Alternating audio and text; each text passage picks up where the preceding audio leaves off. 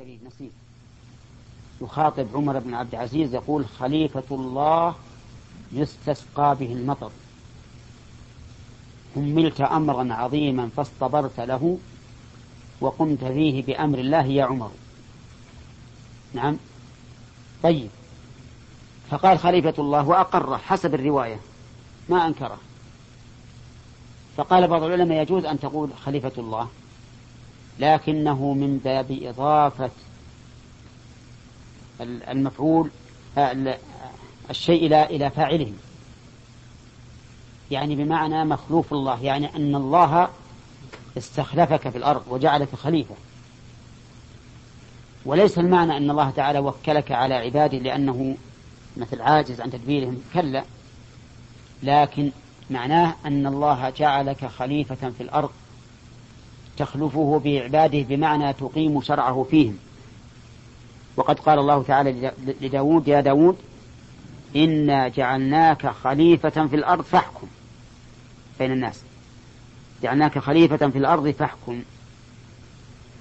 وقال بعض العلماء لا يجوز لأن خليفة الإنسان لا تكون إلا عن غيبته عن غيبة الإنسان المخلف. ولهذا قال موسى لهارون اخلفني في قومي لأنه عليه الصلاة والسلام غاب غاب لميقات ربه. ولكن الصحيح الأول وأنه يجوز أن نقول خليفة الله خليفة الله لأن الله استخلفه في عباده ليقوم بعدله. ولا يعني ذلك أن الله تعالى ليس بحاضر. الله عز وجل فوق عرشه ويعلم كل شيء. وفرق بين استخلاف موسى لهارون وبين استخلاف الله تعالى هذا الخليفة في الأرض. الذين يقولون لا يجوز يقولون إنك تقول خليفة رسول الله. خليفة رسول الله الرسول ما خلف ما استخلفني قال لأنك خلفت رسول الله في أمته. خلفته في أمته. انتبه. علما.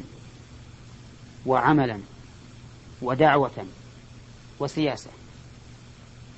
يعني أن الخليفة يجب أن يكون خالفا لرسول الله صلى الله عليه وسلم في هذه الأمور الأربعة. ما هي؟ العلم والعمل والدعوة والسياسة. شوف مسؤولية الخليفة ما هينة؟ علما بمعنى أن يكون عالما بالشريعة. بمعنى أن يكون عالما بالشريعة. ولهذا كان الخلفاء في عهد, السلف الصالح كان الخلفاء هم العلماء. نعم. طيب فإن عجز فإن عجز فإنه يجب أن يكون له بطانة ذات علم بشريعة الله. ويجب أن يكون له أن تكون هذه البطانة ذات العلم بالشرع عالمة بأحوال العصر. أن تكون عالمة بأحوال العصر. ثالثا أن تكون أن يكون لها قدرة على تطبيق الحوادث العصرية على الأصول الشرعية. عرفتم؟ يكون عندها قدرة على تطبيق الحوادث العصرية على القواعد أو على الأصول الشرعية. ليش؟ لأن بعض الناس عالم لكن ما يعلم أحوال الناس. ومتطلبات العصر فتجده يريد أن يفرض ما يعلمه دون النظر إلى الواقع. وهذا خطأ. بل الواجب على العالم أن يكون مع علمه مربيا. بمعنى أنه ينظر إلى الواقع ليطبقه على إيش؟ الأصول الشرعية. ولسنا نقول ينظر إلى الواقع ليلوي أعناق الأصول الشرعية إليه بل ليحمل الواقع على إيش؟ الأصول الشرعية. والحمد لله الدين الإسلامي أقول لكم لا يمكن تحدث أي حادثة إلى يوم القيامة إلا وفيها حل في الدين الإسلامي. علمه من علمه وجهله من جهله. لكن الذي يفوتنا إما القصور وإما التقصير. إما القصور أو التقصير. أما أن توجد حادثة إلى يوم القيامة لا يوجد لها حل في الشريعة هذا مستحيل. لأن الله جعل هذا الدين باقيا إلى متى؟ إلى قيام الساعة. فلا بد أن يكون فيه حلول لمشاكل العالم وإلا ما صح أن يكون دينا إلى يوم القيامة أو شريعة. طيب أن يخلف النبي صلى الله عليه وسلم في العمل. في العمل. بأن يكون قدوة صالحة في عمله عباداته ومعاملاته وأخلاقه وسلوكه. لأن ليكون ليكون أسوة لأنه هو اسمه خليفة وإمام. خليفة لمن سبقه وإمام لمن لحقه. شفت كيف؟ إذا نسميه خليفة ونسميه إمام. باعتبارين ولا باعتبار واحد؟ باعتبارين. لا باعتبارين. خليفة لمن سبقه وإمام لمن لحقه يعني اللي في عصره ومن بعده إمام لهم. واللي قبله هو خليفة. إذا لا بد أن يكون إماما في العمل.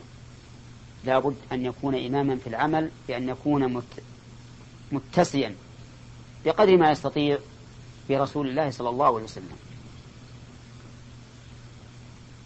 الثالث أن يكون إماما في الدعوة.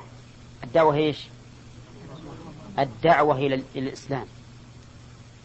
فيكاتب زعماء الكفرة. يكاتبهم يدعوهم إلى الإسلام. كما كان النبي صلى الله عليه وسلم يكاتبهم يدعوهم إلى الإسلام. ولا لا؟ ما جهد أيمانهم لئن أمرتهم لا يخرجن قل لا تقسم. طاعة معروفة. والإقسام فيه إلزام كالنذر نعم. طيب. الإقسام إلزام ما أقسموا بالله إلا يلزموا أنفسهم. قل لا تقسموا. قل لا تقسموا. طاعة معروفة. طيب. ها؟ هو هو نهي لا شك لكن لكن وجوب الوفاء بالنذر يمنع القول بالتحريم في الواقع للعلة التي أشرنا إليها آنفا. طيب استثنى المؤلف من وجوب الوفاء بنذر الطاعة فإن لك على ربك ما استثنيت. فالإنسان على ربه ما استثنى هو معينا إذا نوى إذا اشترط هذه ثلاثة. أما إذا أطلق قال شهرا فهو ما يلزم الكتاب حتى لو بدأ ما ما عنده نية لكن الصحيح نعم هو الصحيح الصحيح ما يلزمه. نعم. كيف؟ معتكف. إيه؟ لا إذا نذر اعتكاف إن كان أيام يدخل قبل طلوع الفجر. إن كان الليالي قبل غروب الشمس. طيب. نعم. إيه؟ لا لا. قلنا كلام المؤلف لا يلزم نعم بس ها؟ لا عندي ومن نظر صوم شهر لزمه كتابه مكتوب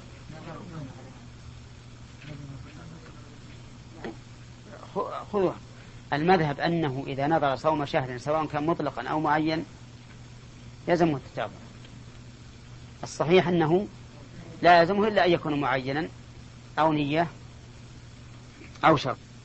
وسبق لنا أنه فرض كفاية إذا قام به من يكفي سقط عن الباقي هذا بالنسبة لنصبه لكن بالنسبة لمن وجه إليه الطلب فرض عين إذا لم يشغله عما هو أهم منه. مفهوم؟ طيب. وسبق أن الموجه إليه الخطاب في ذلك هو الإمام. وقلنا إن الإمام هو الخليفة الذي خلف النبي صلى الله عليه وسلم في أمته في أمور أربعة. في العلم والعمل والدعوة والسياسة. نعم. و استأذنا منكم أن نبسط القول في هذا ولا أدري هل أنتم أذنتم أم لا. أذنتم؟ طيب. ها؟ طيب. في العلم بأن يكون لديه علما شرعيا يتمكن به من القيام بمهماته قلنا فإذا لم يمكن نعم فلينصب بطانة عندها علم بالشرع وعلم بالواقع. والثالث وبعد إيش؟ وبعد نظر. يمكنها أن تطبق الواقع على الأصول الشرعية. واضح؟ لأن العلم لا يكفي. كثير من الناس عندهم علم بالعلوم الشرعية لكن ليس عندهم علم بالواقع فيحصل في نظرهم تصادم بين الواقع والشرع. ومن المعلوم أن المؤمن إذا حصل عنده تصادم بين العلم والواقع بين الشرع والواقع سيقدم الشرع. لكن لو كان عند رجل له سعة أفق لوجد أن الواقع لا يخالف الشرع. واضح؟ طيب وسبق أيضا أنه يخلف النبي صلى الله عليه وسلم في العمل بحيث يكون قدوة صالحة في دينه ومعاملته وأخلاقه وآدابه ووقاره وجميع أحواله. لأن الناس على دين أئمتهم. ولهذا تجد المدرسة إذا كان مديرها مستقيما صار الغالب على أساتذتها وعمالها وطلابها الاستقامة. والعكس بالعكس. والاستقامة الشخصية دعوة في الواقع. دعوة إلى الخير وإلى الحق. بل قد تكون الاستقامة الشخصية أقوى تأثيرا من القول. فإننا نجد كثيرا من الناس يقول بلسان طليق فصيح مبين ولكن لا يتخذ أسوة لأن لأن فعله يخالف قوله. لكن إذا علم الناس أن هذا الرجل يقول عن صدق وأن باطنه كظاهره صار أسوة للناس وإماما. طيب. الثالث الدعوة. وقلنا إن هذه الدعوة تتضمن ها عدة أمور. أولا الاتصال بزعماء الكفر عن طريق الكتابة أو المشافهة أو الرسول يدعوهم إلى دين الله عز وجل. يعني لا لا تبرأ الذمة بالنسبة لولاة أمور المسلمين لا تبرأ ذمتهم إذا سكتوا بل لا بد أن يدعوا رؤساء الكفر إلى دين الله عز وجل اقتداء بمن؟ برسول الله صلى الله عليه وسلم. فإنه كاتب الملوك والزعماء والأمراء في عهده كتب إلى المقوس في مصر وإلى هرقل في الشام وإلى كسرى في في العراق وإلى غيرهم. وهكذا وهذا من وظائف الإمام. فإن لم يباشره بنفسه فليجعل من يباشره وينوب عنه بأن يكون لجنة من أهل العلم يتولون هذا الأمر ويكون لديهم العلم بالشرع والواقع وسعة الأفق وحسن الأسلوب وعرض الدين الإسلامي على الوجه الأكمل الذي يجعل القلوب تميل إليه كما أنه دين الفطرة. كذلك أيضا من ما يتصل بالدعوة حماية الإسلام حماية الإسلام بالدفاع عنه بكل ما يستطيع. أولا الحماية بمنع ما ينقص الإسلام أو ينقض الإسلام. منع ما ينقص الإسلام أو ينقضه. هذا واحد. وذلك بمنع الحرب التي تقام بين حين وآخر. إن صح أن أقول بين حين وآخر لأن الصواب أن الحرب قائمة بين الإسلام والكفر منذ بدأ الإسلام. أليس كذلك؟ طيب. الحرب الذي حورب به الإسلام ينقسم إلى قسمين. حرب مادي بالسلاح والعتاد. وهذا لا أعتقد أن أحدا من المسلمين يتقاعس عنه.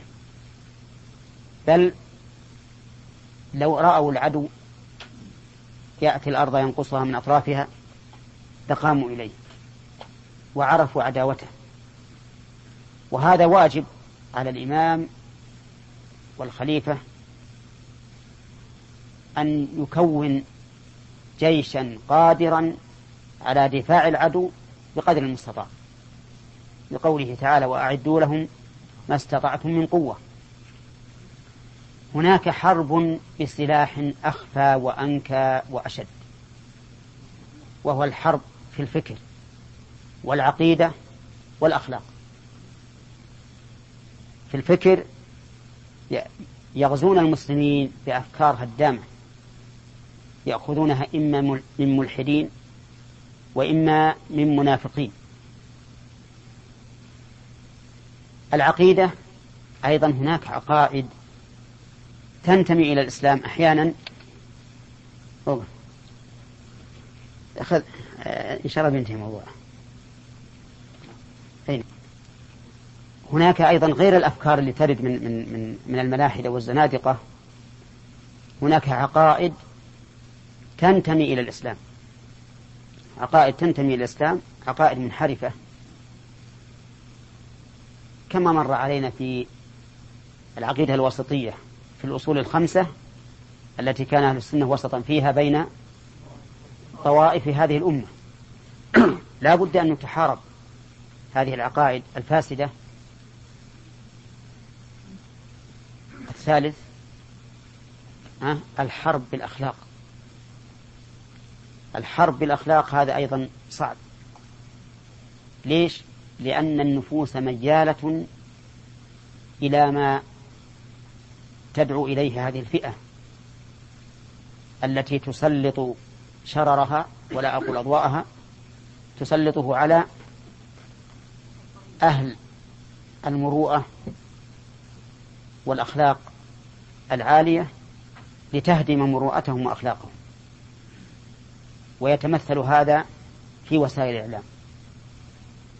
في وسائل الإعلام المرئية والمقروءة والمسموعة. ولذلك تجد أعداء المسلمين يغزون المسلمين بمثل هذا. تأمل صحفهم تأمل آه، إذاعاتهم وتأمل أيضا ما ينشرونه من بين المسلمين من المجلات ذوات الأزياء التي فيها أزياء لا أقول إنها جديدة على أزيائنا واستعمالها مخالف لعاداتنا ولكني أقول إنها أحيانا تخالف اللباس الشرعي تخالف اللباس الشرعي. فيجب أن يحمى الإسلام من هذه الأشياء. هناك أيضا شيء ثالث أو رابع في الأصح يغزون المسلمين به وهو الاكتساب. الاكتساب بحيث يغرون الناس على الميسر والربا وغير ذلك بطرق كثيرة. فواجب فيدخل في حماية الدين الإسلامي أن نبين تجاه هذا الحرب الثاني الذي هو حرب الأشياء الثلاثة وهي الفكر والعقيدة والأخلاق والمعاملات إذا شئنا. وذلك بأن نبين فساد هذه الأشياء الثلاثة. لأن بيان فسادها كسر للأسلحة. نكسر هذه الأسلحة ببيان فسادها. ثم نأتي بما هو أحسن منها فيما جاء به الإسلام. لأن كوننا نهاجم هذه الأسلحة بدون بدون ذكر البديل خطأ خطأ لأن الناس يقولون أين البديل؟ ولهذا جاء في القرآن الكريم والسنة النبوية ما يرشد إلى هذه الطريق وهي أنك إذا أبطلت منكرا فاذكر ما يحل محله من المعروف. قال الله تعالى يا أيها الذين آمنوا لا تقولوا راعنا هذا منكر. فيه بديل ها؟ وقولوا انظرنا واسمعوا. وقال النبي صلى الله عليه وسلم لمن جاءه بالتمر الجيد الذي كان يأخذ الصاع منه بالصاعين والصاعين بالثلاثة قال لا تفعل عين الربا. رده. ثم أرشده. قال بعت التمر الجنيب الردي آه نعم بيع الجمعة بيع الجمع التمر الردي بالدراهم ثم اشتري بالدراهم جنيبا. يعني تمرا طيبا. يعني تمرا طيبا. فهكذا ينبغي للداعية إذا سد على الناس باب الشر أن يفتح بدله من أبواب الخير حتى لا يقع الناس في حيرة. طيب. ذكرنا الآن المكاتبة أو دعوة رؤساء الكفر الإسلام. ثاني حماية الإسلام بصد هجوم الأعداء المادي أو أنشينا قلنا الحسي والمعنوي. كذلك أيضا مما يتصل بالدعوة الأمر بالمعروف والنهي عن المنكر. بأن يأمر بالمعروف وينهى عن المنكر. هذا من وظيفة الإمام. والمعروف كل ما أمر به الشرع والمنكر كل ما نهى عنه الشرع. هذا الضابط. وسمي الأول معروفا لأن الشرع عرفه وأقره والثاني منكرا لأن الشرع أنكره. يأمر بالمعروف وينهى عن المنكر. فإن لم يقم بذلك بنفسه وكله إلى من به الكفاية. وكله من بن إلى من به الكفاية يكون نائبا عنه في ذلك. ولا بد ولا يمكن أبدا أن تقوم الأمة الإسلامية. أو تتحد إلا بالأمر بالمعروف والنهي عن عن المنكر. قال الله تعالى كنتم خير أمة أخرجت للناس تأمرون بالمعروف وتنهون عن المنكر وتؤمنون بالله. وقال ولتكن منكم أمة يدعون إلى الخير ويأمرون بالمعروف وينهون عن المنكر وأولئك هم المفلحون ولا تكونوا كالذين تفرقوا واختلفوا من بعد ما جاءهم البينات. فأشار بقوله ولا تكونوا كالذين تفرقوا بعد أن قوله ولتكن منكم أمة إلى أنه إذا لم يكن ذلك تفرق الناس. وهذا واضح. إذا لم يكن أمر بالمعروف ونهي عن المنكر كل واحد سلك سبيلا وحينئذ تتفرق الأمة ولا يجمع الأمة إلا شريعة ربها عز وجل. وذلك لا يكون إلا بالأمر بالمعروف والنهي عن المنكر. ولا بد أن تكون الأمة أو, أو الطائفة التي يقيمها الإمام للأمر بالمعروف والنهي عن المنكر لا بد أن يكون لها علم بأن هذا معروف وهذا منكر. وكيف تعلم ذلك؟ عن طريق الشرع. يكون لديها علم شرعي بأن هذا معروف وهذا منكر. ثانيا أن يكون لديها علم بأن هذا الرجل ارتكب الم... ترك المعروف أو فعل المنكر. لا بد من هذا. فإن لم تعلم فإنه لا يجوز أن تنكر. لا أمرا ولا نهيا. لو أن لو أنك رأيت رجلا معه امرأة يمشي في السوق معه امرأة ومسكتك يا شيء ما تخاف الله. تمشي مع الحريم بالسوق. يصلح هذا ولا ما يصلح؟ ما يجوز أبدا. أسأل أول ما هذه المرأة؟ ما علاقتها؟ ما علاقتك بها؟ قال والله هذه أختي هذه أمي هذه بنتي. أكف وأنتهي.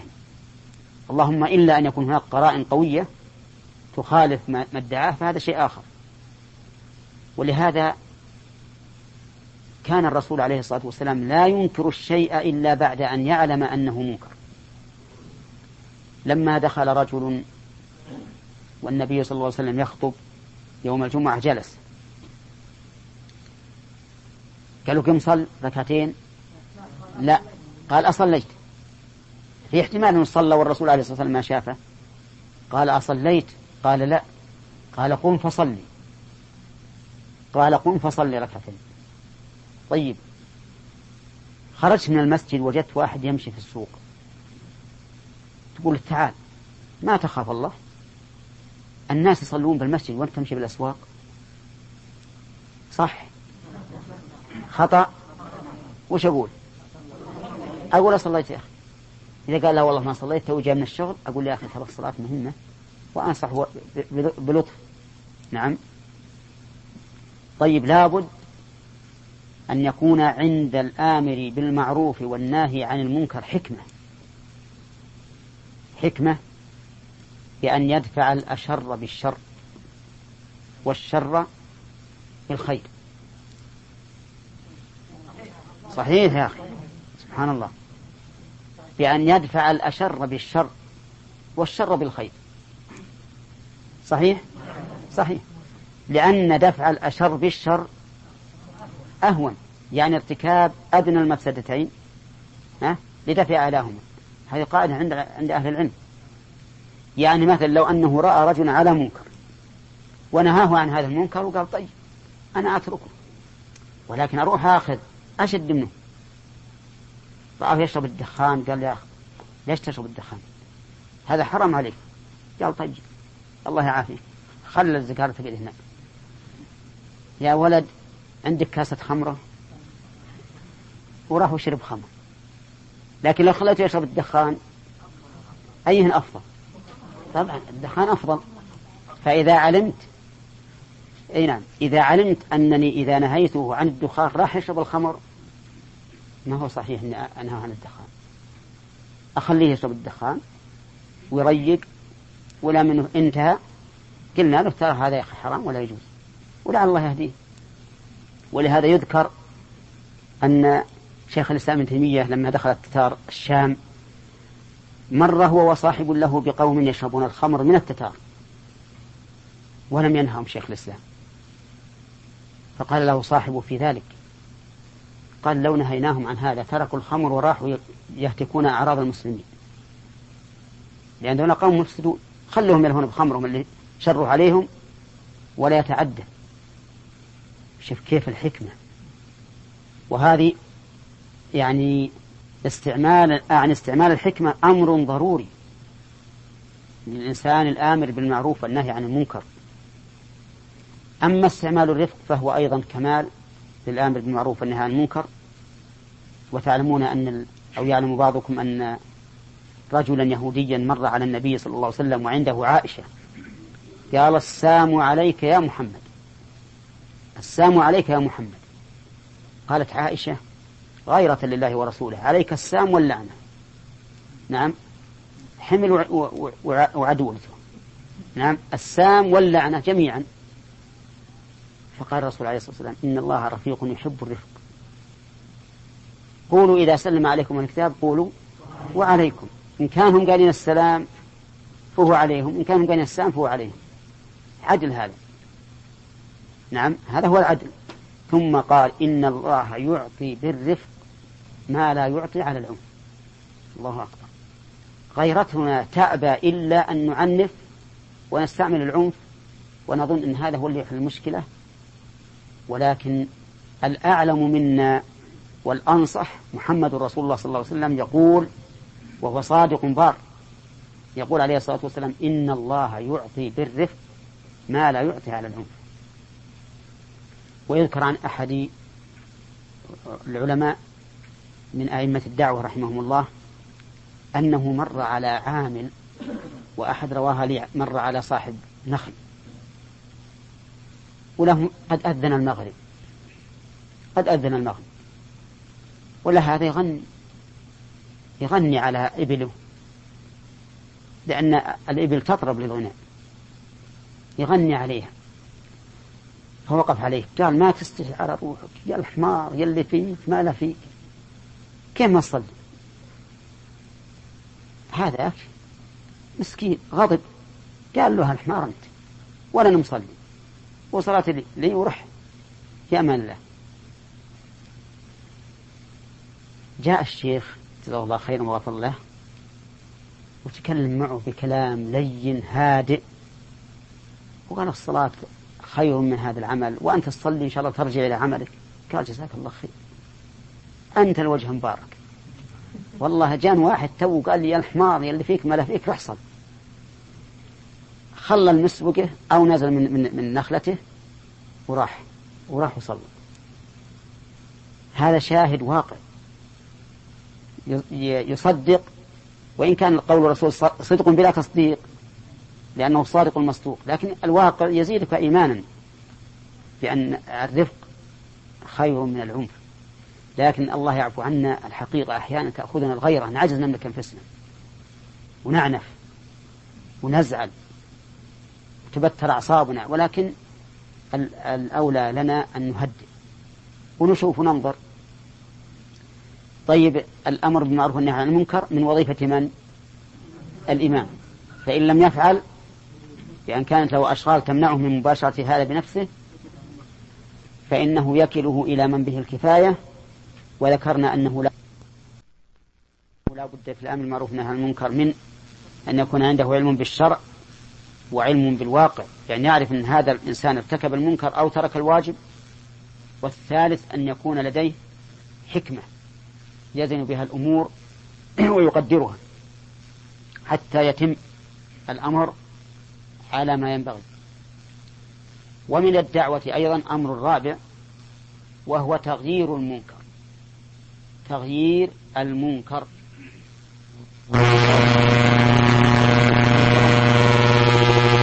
يغيره بيده فإن لم يستطع فبلسانه فإن لم يستطع فبقلبه. وأظن أننا ضربنا مثلا فيما سبق. والله ما أدري هنا ولا في الكلية. مثال ذلك رجل مر بصاحب عود يضرب به. تعرفون العود؟ استعملتوه؟ طيب. المهم أنه ليس عود الحطب العود الذي يعزف به. نعم. مر رجل بهذا العود أول ما يجب عليه أن يكسره. هذا هذا فليغيره بيده.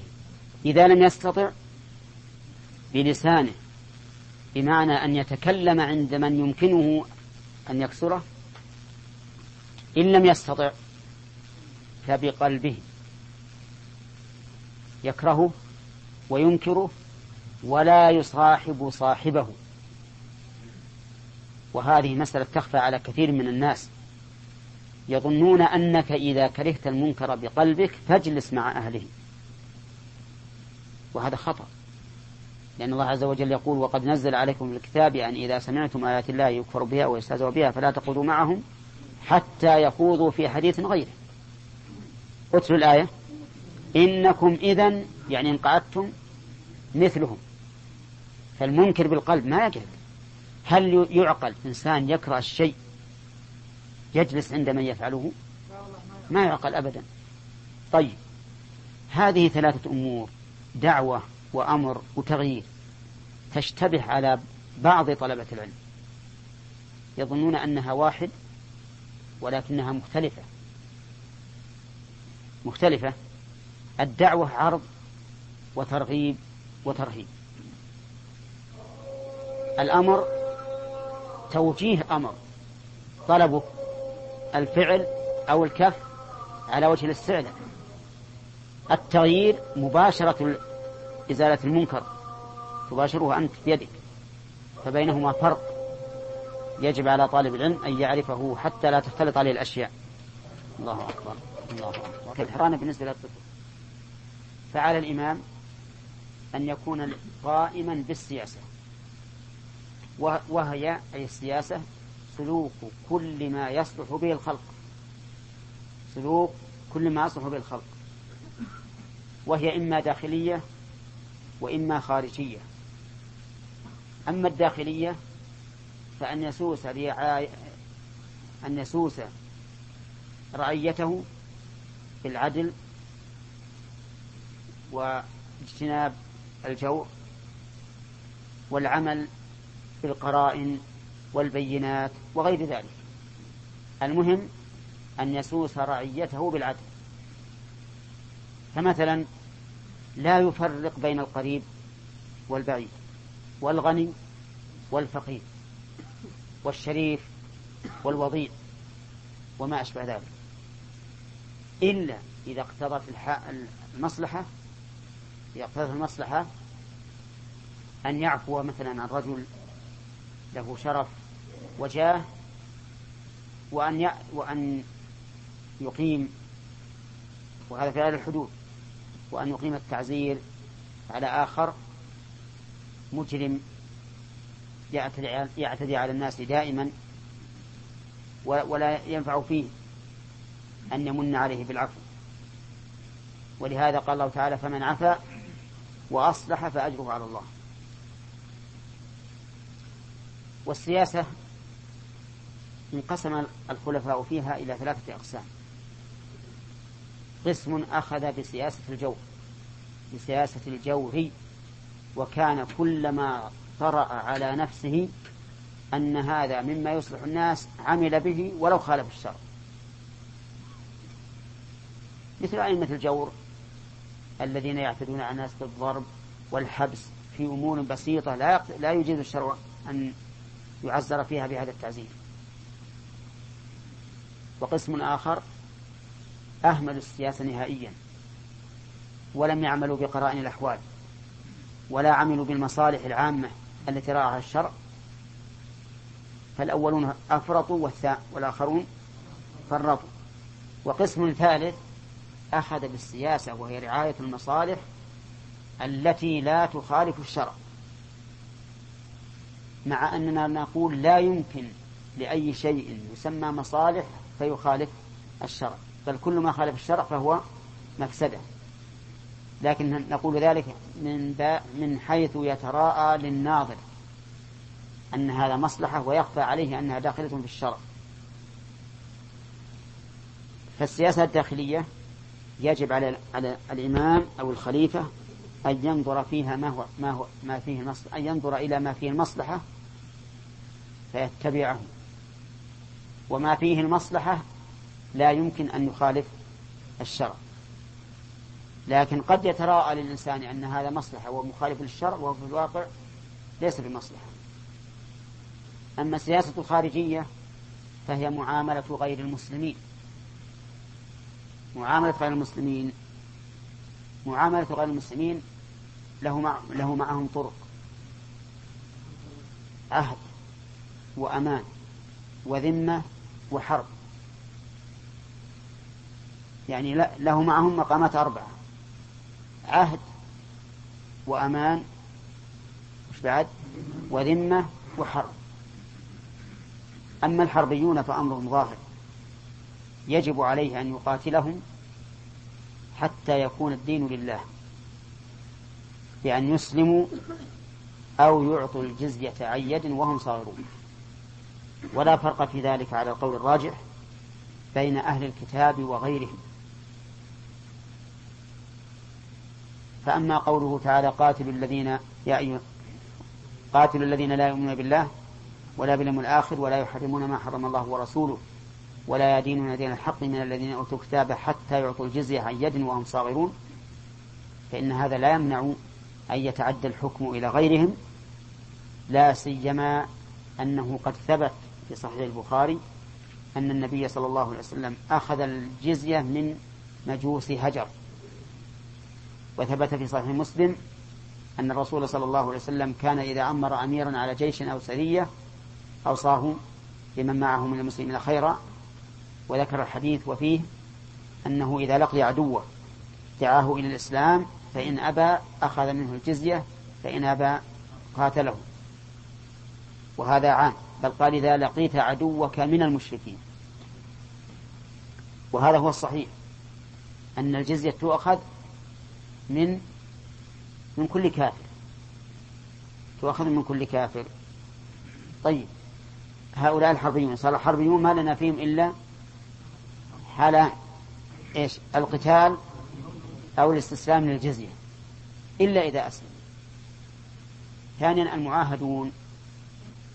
المعاهدون الذين نعقد بيننا وبينهم عهدا أن لا يعتدوا علينا ولا نعتدي عليهم وأن لا يعينوا علينا ولا نعين عليهم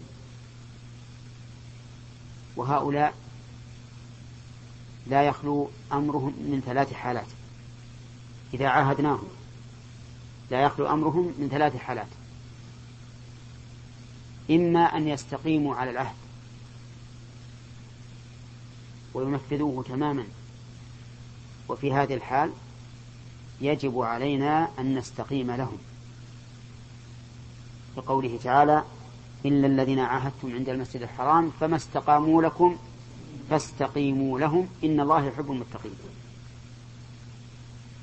والوفاء بعهدهم لا شك أنه من محاسن الإسلام الحالة الثانية أن يخونوا وينقضوا العهد وفي هذه الحال يكونون حربيين يكونون حربيين يعني ينتقض عهدهم ودليل ذلك ما جرى لقريش حين عاهدهم النبي صلى الله عليه وسلم في الحديبية ومن جملة شروط العهد أن لا يعينوا عليه على حلفاء أحد. أن لا يعينوا حلفاءهم على حلفائهم فنقضوا العهد بأن عانوا حلفاءهم على حلفاء النبي صلى الله عليه وسلم. الحالة الثالثة أن لا ينقضوا العهد ولكننا لا نأمنهم. نخاف منهم نقض العهد. فهؤلاء نعاملهم معاملة وسطا. بأن ننفذ إليهم عهدهم. فنقول ليس بيننا وبينكم عهد. والعهد الذي بيننا وبينكم مفسوخ منبوذ. دليل ذلك قوله تعالى وإما تخافن من قوم خيانة فانبذ إليهم على سواء إن الله يحب الخائنين. إيه أستغفر الله. إن الله لا يحب الخائنين. إن الله لا يحب الخائنين. هذه حالنا. هذه هذه أحوال من؟ المعاهدين. ثلاث حالات. أهل الذمة هم الذين عقدنا لهم الذمة. التي تتضمن حمايتهم وإعطاءهم حقوقهم الشرعية على أن يبذلوا لنا الجزية. الجزية يعني شيء يجعله الإمام على كل واحد منهم وتفصيلها معروف في كتب الفقه. هؤلاء يجب علينا نحوهم أن نعطيهم كل الحق الذي يقتضيه عقد الجزية أو عقد الذمة على الأصح. الثالث أو الرابع.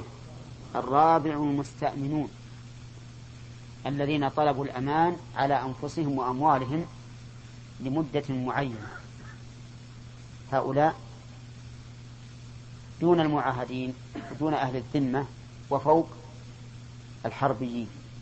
ولهذا يصح الأمان حتى من غير الإمام. حتى من غير الإمام. لقول النبي عليه الصلاة والسلام قد أجرنا من أجرت يا أم هاني. يمكن لأي واحد من الناس يدخل أحدا من الكفار إلى بلاد الإسلام بأمان. وما دام مستأمنا ما دام مؤمنا له فإنه لا يجوز لأحد أن يعتدي عليه. دليل هذا قوله تعالى وإن أحد من المشركين استجارك فأجله حتى يسمع كلام الله ثم أبلغه مأمنه. المهم أن الإمام يقوم بهذه الأمور الأربعة العلم والعمل والدعوة والسياسة. وذكرتم ما الذي يتفرع على الدعوة. طيب المؤلف يقول يلزم الإمام أن ينصب. طيب من الذي ينصب الإمام آه. من الذي ينصب الإمام يكون نصب الإمام بواحد من أمور ثلاثة. إما أن يعهد به الخليفة السابق وإما أن يجتمع عليه أهل الحل والعقد وإما أن يأخذ ذلك بالقوة والقهر. مثال الأول عهد أبي بكر رضي الله عنه إلى عمر نعم بالخلافة. عرفتم؟ إذا ثبتت خلافة عمر بعهد أبي بكر. ولكن يجي الشيطان الذي يقول للإنسان من خلق الله؟ يقول من خلف أبا بكر؟ ها؟ من خلف أبا بكر؟ آه. هذه المسألة نقول خلف أبا بكر رسول الله صلى الله عليه وسلم. ولكن يشكل على هذا أن يقول قائل أين النص من الرسول عليه الصلاة والسلام؟ هل قال لأبي بكر أنت خليفتي على أمتي؟ بهذا اللفظ لا. طيب. قال بعضهم خلفه بالإشارة. يعني أشار فعل أفعالا تشير إلى أنه الخليفة من بعده. وقال آخرون بل ثبتت خلافته بإجماع أهل الحل والعقد لأن الصحابة أجمعوا على ذلك. والصحيح أن خلافته ثبتت بالنص إما إما ظاهر صريحا وإما إيماء وإشارة. فلننظر خلف النبي صلى الله عليه وسلم أبا بكر إماما للناس في مرض موته في الصلاة. حتى إنه لما دعوا عمر غضب وقال إن كن صواحبات يوسف يعني زوجاته اللاتي دعونا عمر. ثم أمر أن يدعى أبو بكر فجاء فخلفه على أمته في الصلاة.